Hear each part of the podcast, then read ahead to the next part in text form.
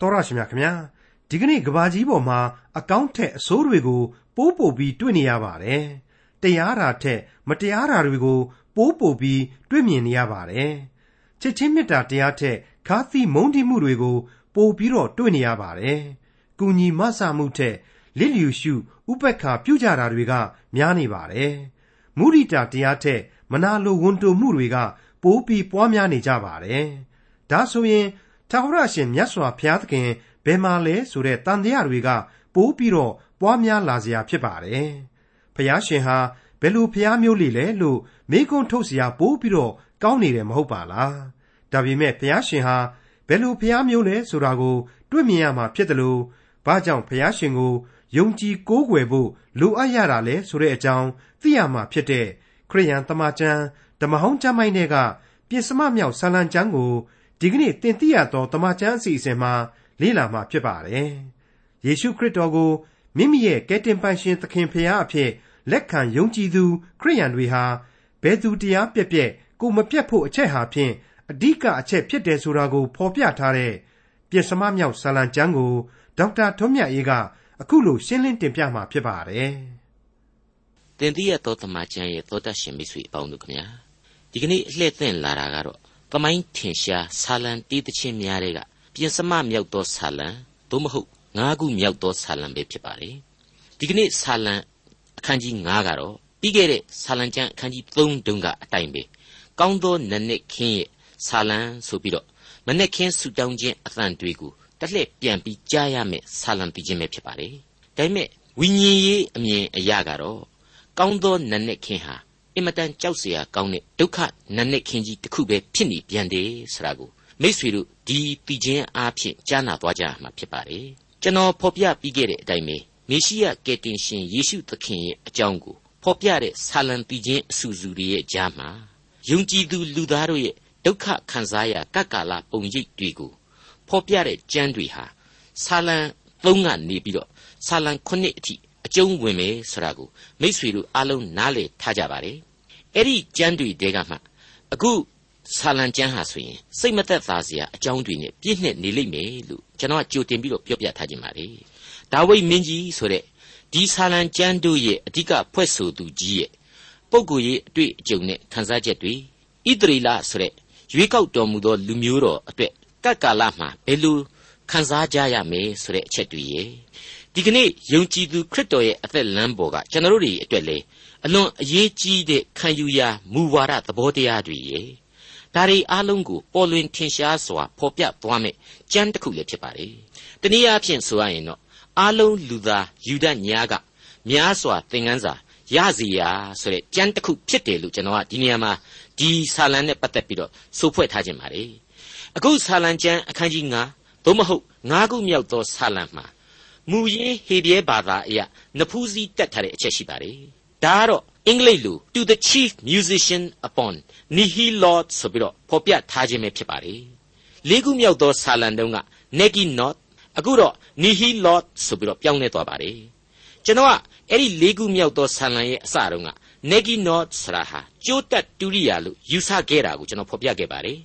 အခု nihilot ဆိုတာကတော့ပလွေကဲ့သို့သောလေမှုတ်ကရိယာတစ်ခုဖြစ်လိမ့်မယ်လို့ ကျွန်တော်ယူဆပါတယ်ဓမ္မပညာရှင်အများကသဘောတူထားတဲ့အတွက်ကြောင့်လေကျွန်တော်ကဒါဟာအမှန်ပဲလို့ကျွန်တော်ယူဆကြောင်းဖော်ပြပါရစေအဲ့ဒီလိုရှေးခေတ်တူရိယာနဲ့အသံသာသာချိုးလွင်းစွာဖော်ကျူးခဲ့တဲ့ဆာလံအမှတ်စဉ်9နဲ့ပတ်သက်လို့ Arthur Pridham ဆိုတဲ့ဓမ္မသုတေသီတယောက်ရဲ့အယူအဆဟာအတော်ကြီးသဘာဝကျပြီးကောင်းမွန်တယ်လို့ကျွန်တော်ယူဆမိပါတယ်ယုံကြည်ခြင်းပြင်းထန်စွာနဲ့ဆုတောင်းသောဆာလံဖြစ်တယ် ဆုတောင်းဖို့ရန်လေနှလုံးသားဝိညာဉ်ကိုကယ်တင်ရှင်ပြုပြင်ပေးတယ်ယုံကြည်သူတို့ကိုစာရမဏတ်ရဲ့အားပြိုင်နှောက်ယှက်ခြင်းများကိုလေထိတွေ့နားလေစေတယ်လူသားရဲ့အပြစ်ကလာတဲ့ဒေါသယသတို့ကိုလည်းမြင်ရစေတယ်အနန္တဘုရားသခင်ရဲ့မေတ္တာတော်သာမရှိရင်လူသားဘဝအနတ္တဆိုတာကိုပေါ်လွင်ထင်ရှားစေသောကြမ်းတစုဖြစ်တယ်လို့အဲ့ဒီ Arthur Pridham ကဝေဖန်ထားပါတယ်အဲ့ဒီလို Mr. Arthur Pridham ရဲ့ဝေဖန်ချက်တွေဟာဘ လောက်အထိမှန်ကန်မှုရှိသလဲဆိုတာကိုစတင်ပြီးတော့ကျွန်တော်တို့နားဆင်ရင်လည်းအကဲဖြတ်ကြည့်ကြပါစို့ငါးခုမြောက်သောဆာလံအငယ်1မှ3အိုးထာဝရဖျားအကျွန်ုပ်ဤစကားကိုနားထောင်တော်မူ၍အကျွန်ုပ်မြည်တမ်းခြင်းကိုဆင်ကျင်တော်မူပါအကျွန်ုပ်ဤရှင်ဘုရင်အကျွန်ုပ်ဤဖျားအကျွန်ုပ်သည်ကိုတော်ကိုဆုတောင်းသည်ဖြစ်၍အကျွန်ုပ်အော်ဟစ်သောအသံကိုနားထောင်တော်မူပါ။အိုးထာဝရဖေဟာနတ်နဲ့အခါအကျွန်ုပ်စကားသံကိုကြားတော်မူရပါ၏။နတ်နဲ့အခါ ကိုတော်ကိုမျက်မှောက်ပြု၍မျှော်လင့်ပါမည်။နတ်နဲ့ခင်းရဲ့ဆုတောင်းခြင်းဆာလံဖြစ်တယ်ဆိုတာကိုဒီနေရာမှာအလွန်သိသိသာသာဖော်ပြနေပါလေ။နေနှင့်အတူလို့ကျွန်တော်ကဒီနေရာမှာတင်စားပါရစေ။လင်းရောင်ပြုတ်၍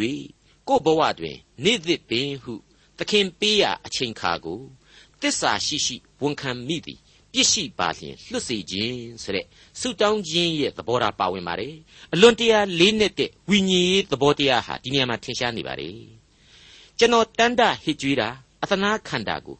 ကိုတော်စာနာထောက်ထားတော်မူပါဆိုတဲ့အချက်ဟာရှေ့ဆုံးမှာပါဝင်ပါတယ်ဘုရားသခင်ကျွန်တော်စကားကိုတနာသဖြင့်နားဆင်တော်မူပါတဲ့ပြီးတော့မှအခုအချိန်ဟာနတ်နဲ့ချိန်ခါဖြစ်ပါတယ်အိယာကနိုးထလာတာနဲ့ကျွန်တော်ဟာပူဇာမိပါတယ် ပူဇာတာဟာလေနေသစ်စတာနဲ့တပြိုင်နက်တည်းကိုတော်မရှိရင်မဖြစ်ဘူးဆိုတာကိုကျွန်တော်မျိုးကြီးခံစားရလို့ပူဇာခြင်းပါပဲတဲ့ဟုတ်ပါတယ်ဒီသဘောတရားဟာဒါဝိဒ်အတွက်တစ္ဆာတရားဖြစ်တယ်လို့ကျေးဇူးတော်ရဲ့အရေးအာဝါသအောက်ကကျွန်တော်တို့တွေအတွက်လေမဖောက်မပြန်မယွင်းမမှားနိုင်သောတစ္ဆာတရားပါပဲပြီးခဲ့တဲ့၄ခုမြောက်သောဆာလံမှာအိပ်ပျော်ခွင့်ကိုပြုခဲ့တဲ့သခင်ကျေးဇူးကြောင့်သခင်ရဲ့လုံခြုံစွာအတောင်တော်အရေးအောက်မှာအိပ်ပျော်စေခွင့်ပေးခဲ့သောကြောင့်သာလျှင် မိုးတောက်တဲ့နတ်နဲ့ခင်းရဲ့အလင်းကိုကျွန်တော်တို့တွေ့ရတာပဲမဟုတ်ဘူးလားသောတာရှင်မိတ်ဆွေအပေါင်းတို့ခမညာငါဟာငွေရှိရင်ဘာမဆိုပြည့်စုံနေပြီအာနာရှိရင်လည်းအဖက်ဖက်ကပြည့်စုံနေပြီဂုံရှိရင်ဘာမှမလိုတော့ဘူးဆိုတဲ့အသိစိတ်တွေဟာအခုကြားရတဲ့ဆာလံပြီးခြင်းကိုဘယ်လို့မှလက်မခံနိုင်အောင်တိုက်ခိုက်နေလိမ့်မယ်လို့ကျွန်တော်ရိုးသားစွာခံယူမိပါတယ်ဟုတ်ပါတယ်နှုတ်ကပတ်တော်တွေကဖော်ပြတော်မူသောကျေးဇူးတော်ကိုလူသားရဲ့မာနဟာနားမလည်နိုင်ဘူး တိုက်ခိုက်သွားလိမ့်မယ်ငါးခုမြောက်သောဆာလံအငယ်၄မှ9ကိုတော်သည် မတရားသောအမှုကိုနှစ်သက်သောဖျားမဟုတ်သိုးသောသူကိုလက်ခံတော်မမူမိုက်သောသူသည်အထံတော်သို့မဝင်ရမတရားသဖြင့်ပြုသောသူအပေါင်းတို့ကိုမုန်းတော်မူ၏မှုသာစကားကိုပြောသောသူတို့ကိုဖျက်ဆီးတော်မူ၏လူအသက်ကိုတတ်တတ်သောသူနှင့်လှည့်စားတတ်သောသူတို့ကိုထာဝရဘုရားဆက်ဆုပ်ရွံရှာတော်မူ၏ အကျွန်ုပ်မူကားများစွာသောကျေးဇူးတော်ကိုခံစားရသဖြင့်အိမ်တော်သို့ရောက်၍ကိုတော်ကိုကြောက်ရွံ့သောစိတ်နှင့်တန်ရှင်းသောဗိမှန်တော်တွင်ကိုးကွယ်ပါလိမ့်မည်။နောင်တနှင့်ကြိုးပဲ့ကြည်မွာသောစိတ်အစဉ်ဟာဒါဝိမင်းကြီးရဲ့ယင်မှခုတ်တွဲနေပါလေ။သူဟာထာဝရဘုရားရဲ့ဘက်တော်သားတယောက်အနေနဲ့ထာဝရဘုရားရဲ့မေတ္တာရိပ်မှသာမှိမ့်မိတ်နေပါတယ်ဆိုတဲ့အချက်တွေကိုဖော်ပြလိုက်ပါတယ်။အရေးအကြီးဆုံးအချက်ကတော့ကျေးဇူးတော်ကိုခံစားထိတွေ့ရသောကြောင့်ကြောက်ရွံ့သောစိတ်တို့ဖြစ်ပေါ်လာရတယ်။ ကြောက်ရွံ့သောစိတ်တို့နှင့်အတူဘုရားသခင်ထံတော်ကိုကျွန်ုပ်တိုးဝင်ချင်းကပ်ပါတယ်ဆိုတဲ့အချက်ပဲဖြစ်ပါတယ်။တနည်းအားဖြင့်တော့ထာဝရဘုရားသခင်ကိုကြောက်ရွံ့ယိုသေးသောစိတ်ကိုကျွန်တော်ဆိုလိုခြင်းဖြစ်ပါတယ်။ဒါဟာဒီကနေ့ယုံကြည်သူကျွန်တော်တို့အတွက်အထူးအရေးကြီးတဲ့သင်ခန်းစာတစ်ရပ်ပဲလို့ကျွန်တော်ဆိုချင်ပါတယ်။ဟုတ်ပါတယ်။မိမိတို့ရဲ့စိတ်အစဉ်မိမိတို့ရဲ့နှလုံးသားထဲမှာကိုကထိတွေ့ခံစားရပြီးတော့ကျေးဇူးတရားတည်ရှိခြင်းကိုနားလည်ဖို့အရေးဟာအဓိကအလွန်ကြတယ် ဒီကနေ့လက်ငင်းကျွန်တော်တို့ခံယူရမယ့်အရေးတွေဖြစ်တယ်လို့ကျွန်တော်ဆိုချင်ပါတယ်ဒီလောက်အထိကျေးဇူးတရားကိုထိတွေ့ဖို့အရေးမှလေဝန်းကျင်အတိုင်းအဝိုင်းနဲ့အသက်တာရဲ့လှိုင်းကြက်တွေဟာကျွန်တော်တို့ကိုတားမြစ်ပိတ်ဆို့နေတတ်ကြပါတယ်ကျွန်တော်တို့ရဲ့မာမာနသဘောထားတွေကိုယ်တိုင်ကဒါကိုနှောက်ယှက်ဖျက်ဆီးနေတယ်လို့ကျွန်တော်တင်ပြခြင်းပါတယ်ဘလောက်အထိဒီလိုဝန်းကျင်အနှောက်အယှက်တွေဇာတိပဂရိအစွဲအလန်းတွေရှိပြီဖြစ်စေဟေဘက်ကုတ်အနာဂတိကျမ်းအခန်းကြီး1အငယ်73ရဲ့အစပိုင်းအချက်ဟာအလွန်အရေးကြီးပါတယ် ကျွန်တော်တို့ကိုသတိပေးနေတယ်လို့ကျွန်တော်တင်ပြလိုက်ချင်ပါတယ်ဟေဘကုတ်အနာဂတိကျမ်းအခန်းကြီး1အငယ်73ကဖော်ပြလိုက်တဲ့အချက်ကတော့အခုလိုဖြစ်ပါတယ်ကိုတော်သည်ဒုစရိုက်ကိုကြည့်ရှုတော်မမူတန်ရှင်းသောမျက်စိရှိတော်မူ၏အရမအမှုကိုကြည့်ရှု၍နေတော်မမူတတ်ပါတဲ့အလွန်ကောင်းမွန်တဲ့ဂရိသစ္စာဖြစ်တယ်လို့ပြင်းထန်တဲ့သတိပေးလိုက်တဲ့ဗျာဒိတ်တော်ပဲဖြစ်ပါတယ်မိတ်ဆွေတို့ယုံကြည်သူတို့ရဲ့အသက်တာဟာဂရိတော်အတိုင်းတည်ကြည်စွာရှောက်သွားဖို့လိုပါတယ် ဝန်းကျင်ကြရဲ့ဘယ်သို့ဖြစ်လေတက်တာလမ်းမှာမြတ်သစ္စာနှင့်ရဲစွာရှောက်လှမ်းမပြက်တမ်းဆိုတဲ့စိတ်ထားတည်ကြည်မှုဟာအထူးပဲလိုအပ်လာပါတယ်ဗျာဒိတ်ကျမ်းအခန်းကြီး27အငယ်8မှာအခုလိုဖော်ပြထားတာရှိပါတယ်ကြောက်တတ်သောသူမယုံကြည်သောသူဆက်ဆုပ်ယွန်ရှာပွေသောသူလူအသက်ကိုတတ်သောသူမတရားသောမေထုံ၌မိဝဲသောသူပြုစားတတ်သောသူရုတ်ထုကိုကိုးကွယ်သောသူတစ္ဆာပြတ်သောသူအပေါင်းတို့မူကား ဒုတိယသေခြင်းဒီဟုသောကန့်နှင့်လောင်သောမိအိုင်တဲသို့မိမိတို့အဖို့ကိုရကြလိမ့်မည်ဟု၍၎င်းငါအာမိန်တော်မူ၏တဲ့ဟဟုတ်ပါတယ်အလွဲမယူကြနှင့်လူသည်မိမိမျိုးစေ့ကိုကျဲသည့်အတိုင်းရိပ်ရလိမ့်မည်ဆိုတဲ့သင်ခန်းစာကိုဂလာတိဩဝါဒစာမှာကျွန်တော်တို့တွေ့ခဲ့ကြပြီဖြစ်ပါတယ်ဖျားသခင်ရဲ့မေတ္တာတော်ကိုနူးညံ့သိမ်မွေ့တယ်ဆိုပြီးတော့ကိုယ့်ရဲ့ဗီဇသဘာဝဖြစ်တဲ့ဇာတိပဂရိစိတ်နဲ့ရှင်ထိုးမစင်စားတတ်ပါဘူးကိုယ့်ပြစ်ဇာတိကိုယ်တိုင်သိ၍ ဝိညာဉ်ဘေးကင်းရှင်သန်ခြင်းတွေ့ယုံခြင်းအဓိကထာဝရဆိုတဲ့သစ္စာတရားကိုလက်ကင်ထားဖို့လိုတဲ့အကြောင်းတင်ပြလိုပါတယ်ယုံကြည်ခြင်းသာလျှင်အဓိကဖြစ်တယ်ဆိုတာကိုသတိပေးလိုပါတယ်ငါးခုမြောက်သောဆာလံအငယ်၈နဲ့ကိုအိုးထာဝရဖျားကျွန်ုပ်ဤရန်သူတို့ကြောင့်အကျွန်ုပ်ကိုတရားတော်လမ်းထဲသို့ပို့ဆောင်တော်မူပါကိုတော်ဤလမ်းကိုအကျွန်ုပ်ရှေ့မှဖြောင့်စေတော်မူပါသူတို့ဤနှုတ်တွင်တစ္ဆာမရှိပါသူတို့နှလုံးသည်အလွန်ဆိုးဝါ၏ သူတို့ဤလေချောင်းသည် ဖွင့်ထားသောသင်္ချိုင်းတွင် ဖြစ်ပါ၏သူတို့သည်ရှာနှင့်ချော့မော့တတ်ကြ၏မိတ်ဆွေအပေါင်းတို့ခမညာအကျွန်ုပ်ဤရန်သူတို့ဆရာဟာကျွန်တော်ရဲ့ခံစားရသောလောကရန်အလုံးစုံကိုကိုစားပြုနေခြင်းပဲဖြစ်ပါတယ်လောကရန်ဆိုလို့အကုန်လုံးအရသာမရှိဘူးမကောင်းဘူးလို့မကောင်းတာကြီးပဲမဆိုနိုင်ပါဘူးအာယုံခံစားရအရသာအမျိုးမျိုးနဲ့လေဒီလောကရန်ဟာဆက်နွယ်မှုရှိနေပြန်ပါတယ်အဲ့ဒီအာယုံခံစားမှုတွေဟာ ဒီကနေ့လူအဝန်းအဝိုင်းကြီးတစ်ခုလုံးကိုအသေးသက်မတက်ဖြစ်နေတယ်အားကောင်းမောင်းတန်စေဖြစ်နေတယ်ဆိုတာကိုလေကျွန်တော်သိနာလေထားဖို့အထူးပဲလိုအပ်လာပါတယ်လူသားရဲ့သဲကြီးကြိုက်ဆိုပါတော့ဒီကိစ္စကိုသိပြီးတော့အကျယ်ချက်စရာလိုမယ်မထင်ပါဘူးလူဘဝအတွက်ရသမြောက်တယ်လို့ထင်စရာကောင်းတဲ့အာယုံခံစားမှုတွေဟာအမျိုးမျိုးကျွန်တော်တို့ပတ်ဝန်းကျင်မှာပုံစံတွေအမျိုးမျိုးနဲ့မရေမတွက်နိုင်လောက်အောင်အင်အားစုများအဖြစ်စောင့်နေပါတယ်လက်ကမ်းကြိုဆိုနေပါတယ်ဒါတွေဟာတကယ်တော့ မျိုးဖြက်ရန်သူဆိုတာကိုဆာလံဆရာကအထူးပဲသတိပေးလိုက်ခြင်းဖြစ်ပါတယ်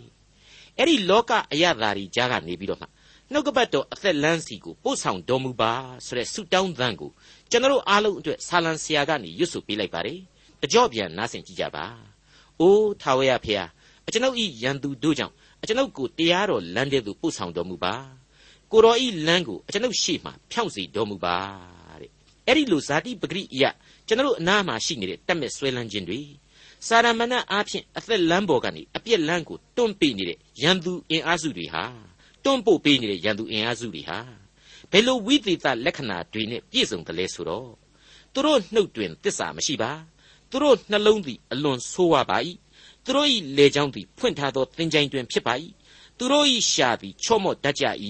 လို့ဒိုင်းကနေဒိုင်းကနေမြည်ဟိမတက်ဆက်လက်ဖော်ပြသွားပါတယ် ဒါကိုတမန်တော်ကြီးရှင်ပေါလုဟာသူ့ရဲ့ယောမဩဝါဒစာအခန်းကြီး3အငယ်6ကနေ20အတွင်းမှာအခုလိုဖော်ပြထားပါတယ်တို့ဖြစ်လျင်အဘယ်သို့နည်းငါတို့သည်မြတ်သလောဟုမေးပြန်တော့အရှင်းမမြတ်အကြောင်းမူကားယူဒလူဟေလသလူအပေါင်းတို့သည်အပြစ်ရှိကြောင်းကိုအထက်ကပြခဲ့ပြီကျမ်းစာလာသည်ကဖြောက်မတ်တော်သူမရှိတယောက်မျှမရှိနားလေတော်သူမရှိဖျားသခင်ကိုရှာတော်သူမရှိလူအပေါင်းတို့သည်လမ်းလွဲကြပြီ တညီတညွတ်တီအသုံးမရသောလူဖြစ်ကြပြီကောင်းသောအကျင့်ကိုကျင့်သောသူမရှိတယောက်မျှမရှိသူတို့၏လေချောင်းသည်ဖွင့်ထားသောသင်္ချိုင်းတွင်ဖြစ်၏သူတို့သည်ရှာနှင့်လှည့်စားတတ်ကြ၏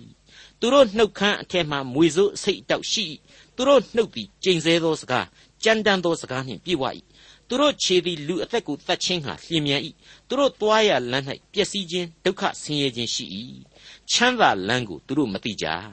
ဖျားသခင်ကိုကြောက်ရွံ့ရသောအကြောင်းသည်သူတို့မျက်စိ၌မထင်ဟုကျမ်းစာလာသည်ပြည့်ညတ်တရား၌ပါသမျှသောစကားတို့သည်ပြည့်ညတ်တရားကိုခံသောသူတို့နှင့်ဆက်ဆိုင်သည်ကိုငါတို့သိကြ၏ထို့သောဖြစ်၍လောကီသားအပေါင်းတို့သည်စကားတခွန်းကိုမျှမပြောနိုင်ပေဖျားသခင်ရှေ့တော်၌အပြစ်တင်သောသူဖြစ်ကြ၏ထို့သောပြည့်ညတ်တရားသည်ဒုစရိုက်အပြစ်ကိုထင်ရှားစေသည်ဖြစ်သောကြောင့်ပြည့်ညတ်တရား၏အကျင့်အားဖြင့်ဖျားသခင်ရှေ့တော်၌အဘယ်သူမျှဖြောက်မတ်ရာသို့မရောက်ရ မိတ်ဆွေတော်တတ်ရှင်အပေါင်းတို့ဆာလံဆရာဒါဝိဒ်မင်းကြီးဖော်ပြခဲ့တဲ့ရန်သူဆရာဟာဇာတိပဂရိအင်အားစုကြီးတွေဖြစ်ပြီးတော့ဖျားသခင်နှစ်သက်တဲ့ဝိညာဏအင်အားတို့ကိုတိုက်ခိုက်နေပါလေကျွန်တော်ရဲ့အသက်တာများကိုလမ်းမှားသို့တွန့်ပို့နေပါလေကယ်တင်ရှင်ဂျေဇုဆိုတဲ့ခရစ်တော်ရဲ့ဂျေဇုတော်သာမရှိဘူးဆိုရင်ဒီကနေ့ကျွန်တော်တို့အဖို့သာဝရအသက်ရှင်ခွင့်ဆိုတာဟာဘယ်နည်းနဲ့မှဖြစ်ပေါ်မလာနိုင်ပါဘူးခရစ်တော်မပေါ်ထွန်းခင်ကဓမ္မသမိုင်းလူသားတို့အနေနဲ့လေ အကျင့်တရားသို့မဟုတ်ပြည့်ညတ်တရားကြီးအကျင့်များကြောင့်မဟုတ်ဖ ೇನೆ ဘုရားသခင်ကြီးဂျေဇုဂိယုနာတော်ကြောင့်သာလျှင်ဒီဇာတိပဂရိအင်အားကတွန်းပို့ခဲ့တဲ့တွန်းပို့နေတဲ့သေခြင်းတရားကနေပြီးတော့ကယ်တင်ခြင်းကိုရယူနိုင်ခဲ့ပါကြောင်းကိုယောမဩဝါဒစာကဆက်လက်ဖွင့်ဆိုပေးလိုက်ခြင်းပဲဖြစ်ပါတယ်ခရစ်တော်ကိုယုံကြည်ခြင်းဆိုတဲ့အခုတရားဟာခရစ်တော်မပေါ်ထွန်းခင်ကလေးကလေရှိခဲ့တဲ့တရားပဲဆိုတာကိုကျွန်တော်အထက်ထက်ရှင်းပြခဲ့ပြီးပါပြီအာဗြဟံဤယုံကြည်ခြင်းဟာ သူ့ရဲ့ဖြောက်မှတ်ခြင်းကိုဖြစ်စေတယ်ဆိုတဲ့သဘောတရားဟာအဲ့ဒီသဘောတရားပါပဲဒါဝိမင်းကြီးကိုယ်တိုင်ဟာလေဒါကိုပေါ်လွင်စေဖို့ရန်အတွက်ပထမမြောက်သောဆာလံကလေးကထာဝရဘုရား၏တရားတော်၌မွေ့လျော်ပါတရားတော်၌နင်းညံ့မပြတ်ဆင်ခြင်အောင်မေ့ပါဆိုတဲ့မင်္ဂလာရှိသောလူသားတို့လိုက်နာရန်တရားများကိုဖော်ပြပေးခဲ့ပြီးဖြစ်ပါတယ်50ခုမြောက်သောဆာလံကြရင်တွေ့ရအောင်မယ့်အချက်တစ်ခုကတော့အငယ်16မှာဖော်ပြထားတဲ့အလွန်ကောင်းမွန်သောသင်ခန်းစာပါပဲ မိရှုသောရစ်ပူဇော်ခြင်းကိုပင်နှစ်သက်တော်မမူဖျားသခင်နှစ်သက်တော်မူသောရစ်မှုကကျိုးပဲ့သောစိတ်ပေသည်။အိုဖျားသခင်ကိုတော်သည်ကျိုးပဲ့ကြေမွသောနှလုံးကိုညင်းပယ်တော်မမူတတ်ပါဆိုပြီးတော့ဖြစ်ပါလေ။ပြီးခဲ့တဲ့လေးခုမြောက်သောဆာလံသင်ခန်းစာမှာတုန်းကလေးကကျွန်တော်ကလည်းဒါကိုထည့်သွင်းတင်ပြခဲ့ပါသေးတယ်။ကိုယ်စိတ်နှလုံးနှင့်ကိုယ်တိုင်ပင်ဆွေးနွေးပြီးတဲ့အခါမှာတရားသဖြင့်ရစ်ပူဇော်ရမယ်ဆိုတဲ့ဖော်ပြချက်နဲ့အညီ တရားသဖြင့်ရစ်ပူဇော်တယ်ဆိုတာဟာကိုယ့်ရဲ့ကယ်တင်ရှင်ရဲ့အလိုတော်ကိုလိုက်နာခြင်းဇာတိပဂရိစိတ်ထားတို့ကို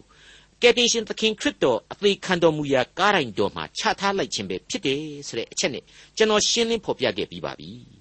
အခုအချိန်မှာဒါဝိမင်းကြီးဟာသူ့ရဲ့နောက်ထပ်နန်းနဲ့ခင်းဆူတောင်းခြင်းဆာလံတည်ခြင်းအပြင်ဒါကိုပဲထပ်ပြီးတော့သူသတိရတယ်ဒီသဘောတရားကိုပဲပုံစံတစ်မျိုးနဲ့ဖော်ပြတယ် ဒီအခါမှာတော့ဘသူတွေဘာပဲဖြစ်ဖြစ်ရန်သူတွေဘလောက်ပင်များပြားများပြားဖျားသခင်ကိုသူယုံကြည်တယ်အာကိုခိုလုံတယ်ဒါကြောင့်မို့လို့ကျွန်ုပ်အဖို့ကတော့ပူစရာမရှိစိုးရိမ်စရာမလိုဒီအချက်ကိုသူဖော်ပြထားပါတယ်ဟုတ်ပါတယ်အငယ်ခုနှစ်မှာတွေ့ကြရတဲ့အချက်ကိုပြန်လေအမှတ်ရစေခြင်းပါတယ်အကျွန်ုပ်မူကားများစွာသောကျေးဇူးတော်ကိုခံစားရသဖြင့်အိမ်တော်သို့ရောက်၍ကိုတော်ကိုကြောက်ရွံ့သောစိတ်နှင့်တန်ရှင်းသောဗိမှန်တော်တွင်ကိုးကွယ်ပါလိမ့်မည် တဲ့လောက်ကောင်းလေအဲ့ဒီလိုကျေးဇူးတော်ကိုခံယူဘုရားသခင်ထံတော်မှာကြောက်ရွံ့သောစိတ်နဲ့ယက်တည်ပြီးတကလားလောကကိုအောင်မြင်နိုင်သောသူများဖြစ်နိုင်ကြပါစေလို့မိတ်ဆွေများအားလုံးအတွက်ကျွန်တော်ဆုတောင်းမေတ္တာပို့သလိုက်ပါရစေ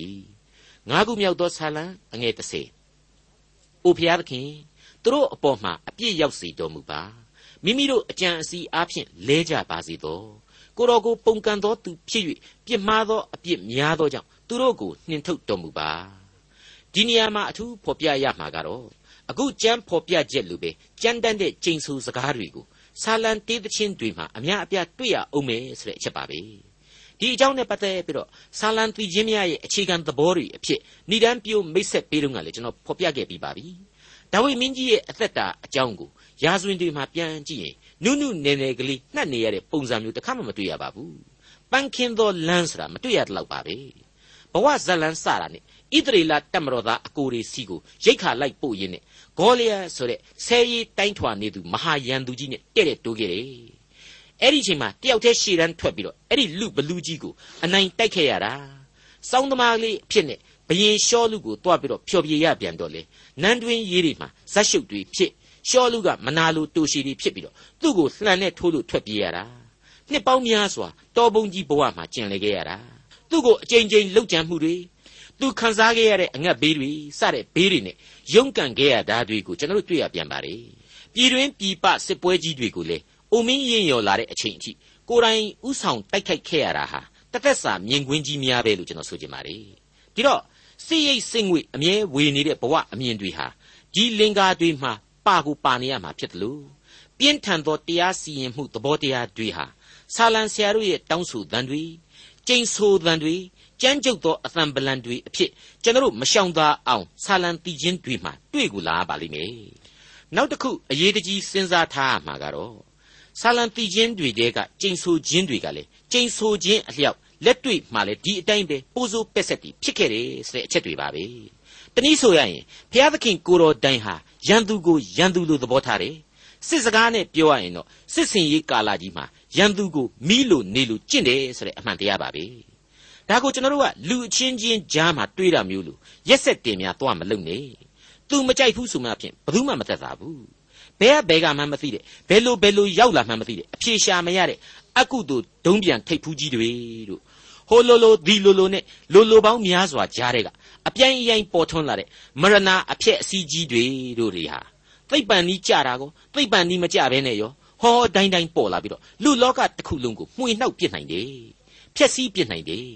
တတိဆောက်လဲတိဆောက်ပေးနိုင်စွမ်းရှိတယ်ဆိုတာကိုကျွန်တော်တို့ဘုရားသခင်နဲ့ပတ်သက်လို့ကြောက်လန့်လေးစားသတိတရားရထားကြရပါလိမ့်မယ်ကျွန်တော်တို့ကိုဒီလိုဘုရားသခင်ရဲ့စီရင်တော်မူခြင်းအကြောင်းတွေကိုကဘာဥကလေးကစပြီးတွေ့လာလိုက်ရတာဒီကနေ့အထိပဲလို့ကျွန်တော်ဆိုချင်ပါတယ်နှုတ်ကပတ်တော်ကသင်ပေးထားတာလေခါနန်ဆိုတဲ့ဒေသကိုမင်းတို့ဝင်ပြီးတော့အဲ့ဒီခါနန်သားတွေကိုတယောက်မှမညာနဲ့အကုန်လုံးသုတ်တင်ပြီးတော့အမွေခံစီဆိုတဲ့သမိုင်းဟောင်းကအကြောင်းဖော်ပြတဲ့အပိုင်းတုန်းကလေကျွန်တော်ဒါတွေကိုရှင်းပြခဲ့ပူပါတယ် မေတ္တာအလွန်ကြီးမားတယ်ဆိုတဲ့အမေရိကန်အတွေးအခေါ်တဲ့ခရိယန်ကြီးတွေလေသူတို့ကိုသူတို့ liberalist တဲ့သူတို့ကနှုတ်ကပတ်တော်ကိုအဲ့ဒီအပိုင်းတွေကိုဖတ်ပြီးတော့ဘုရားသခင်ကရက်ဆက်တယ်တဲ့အရန်သွားပြီးပြောတယ်